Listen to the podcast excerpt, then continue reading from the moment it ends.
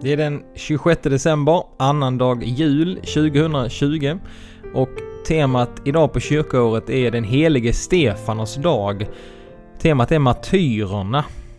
Och detta är ju en söndag som verkligen stör oss mitt i vårt julfirande.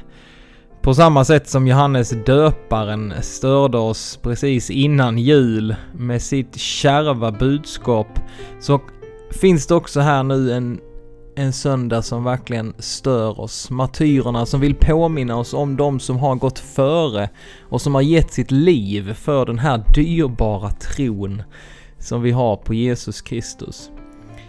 Idag är den helige Stefanos dag. Han var den första martyren som fick ge sitt liv för Jesus. Och vi läser till att börja med ifrån Jeremia kapitel 1, vers 17. Där står det så här. Fäst upp dina kläder, res dig och säg till dem allt vad jag befaller dig. Var inte förskräckt för dem, ty då slår jag dig med skräck inför dem. Se, jag gör i dig idag till en befäst stad, en pelare av järn, en mur av koppar, som håller stånd mot hela landet, mot Judas kungar och dess stormän, mot prästerna och folket i landet. De ska angripa dig, men de ska inte besegra dig. Ty jag är med dig, säger Herren, och jag skall rädda dig. Och så får vi läsa ifrån Apostlagärningarna om Stefanos när han arresteras. Stefanos var fylld av nåd och kraft och gjorde stora under och tecken bland folket. Då uppträdde några medlemmar i den synagoga som kallades de frigivnas. Dit hörde folk från Kyrene, Alexandria, Kilikien och Asien och började disputera med Stefanos. Men de kunde inte hävda sig mot visdomen och anden i det han sade.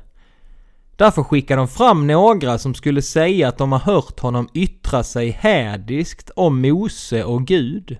De hetsade upp folket och de äldste och de skriftlärda och sedan kom de och grep Stefanos och förde honom till rådet.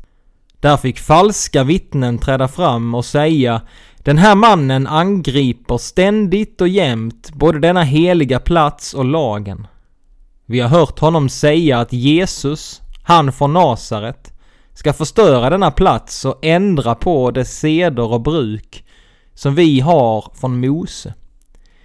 Alla som satt i rådet gav noga akt på Stefanos och tyckte då att hans ansikte var som en ängels. Låt oss be tillsammans.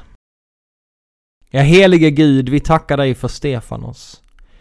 Vi tackar dig för alla dem som i Jesu efterföljd har vittnat om trons sanning. Med munnens bekännelse och med sitt blod.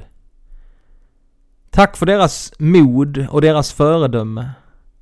Ge oss kraft att bekänna vår tro på Jesus så att vi står fasta i alla prövningar och är trogna dig in till döden.